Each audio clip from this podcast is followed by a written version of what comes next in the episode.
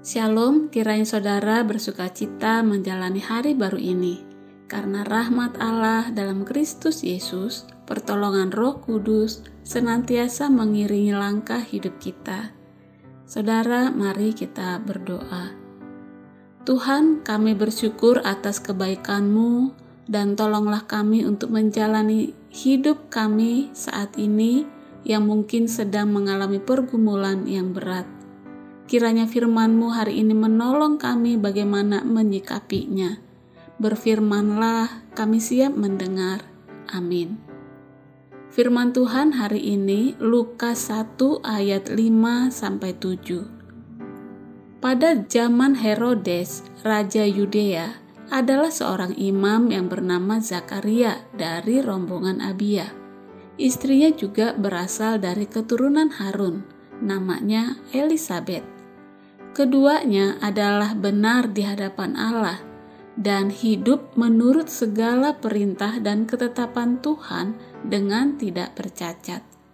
Tetapi mereka tidak mempunyai anak, sebab Elizabeth mandul dan keduanya telah lanjut umurnya. Dari tiga ayat yang kita baca ini, ada hal-hal penting yang dapat kita renungkan untuk kita bisa menjalani kehidupan kita dengan benar. Saat itu, Zakaria dan Elizabeth hidup di zaman yang tidak mudah.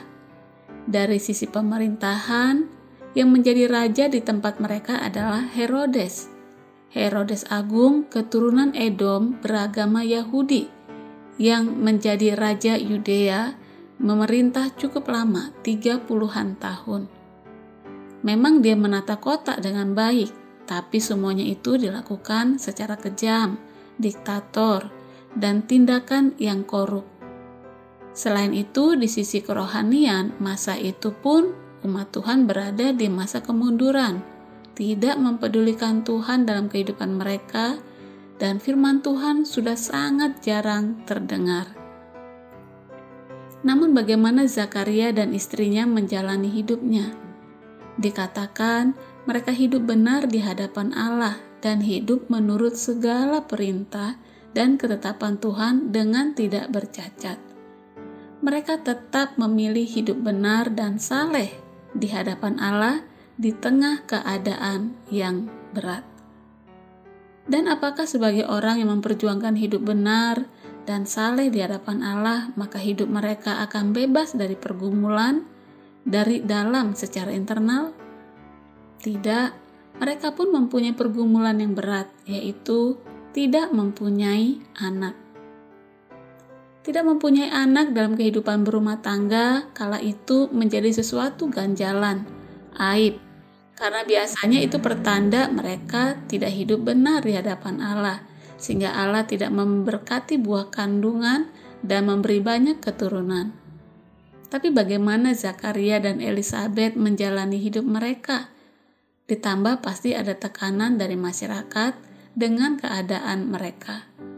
Loh, orang saleh hidup benar kok nggak punya anak? Jangan-jangan nggak beneran hidup benar ini di hadapan Tuhan. Dan lain sebagainya, pasti ada dosa tersembunyi yang mereka lakukan sehingga Allah mengutuk menutup rahim istrinya. Rupanya Zakaria dan Elizabeth tetap percaya dan setia melayani Tuhan sebagai imam dia tidak bersungut-sungut, tidak meninggalkan tugasnya, dan membiarkan umat seperti domba yang tak bergembala, hidup tanpa tuntunan. Sebagai wujud tetap percaya kepada Tuhan, mereka menaikkan doa dengan tekun atas pergumulan mereka.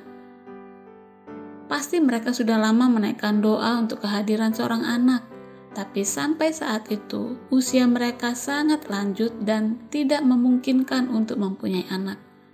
Tapi mereka meyakini Tuhan yang mereka layani adalah Tuhan yang mendengar doa, Tuhan yang memberi yang terbaik bagi umatnya. Saudara, saat ini kita pun hidup di tengah keadaan yang sulit. Tapi mari kita pun belajar seperti Zakaria dan Elizabeth yang tetap memilih hidup benar di hadapan Allah. Meski ada pergumulan, tetaplah hidup benar di hadapan Allah. Dan jadikan itu untuk membawa kita bertekun datang kepada Tuhan, berharap, berdoa, mohon pertolongan campur tangan Tuhan untuk membukakan jalan keluar, memberikan kekuatan menghadapi pergumulan kita masing-masing. Dengan mengingat Tuhan kita mendengar seru doa umatnya, dia pun Tuhan yang penuh kasih yang ingin memberkati dan memberi yang terbaik. Saudara, mari kita jalani hari ini tetap hidup benar di hadapan Tuhan. Bagi Tuhan tidak ada yang mustahil.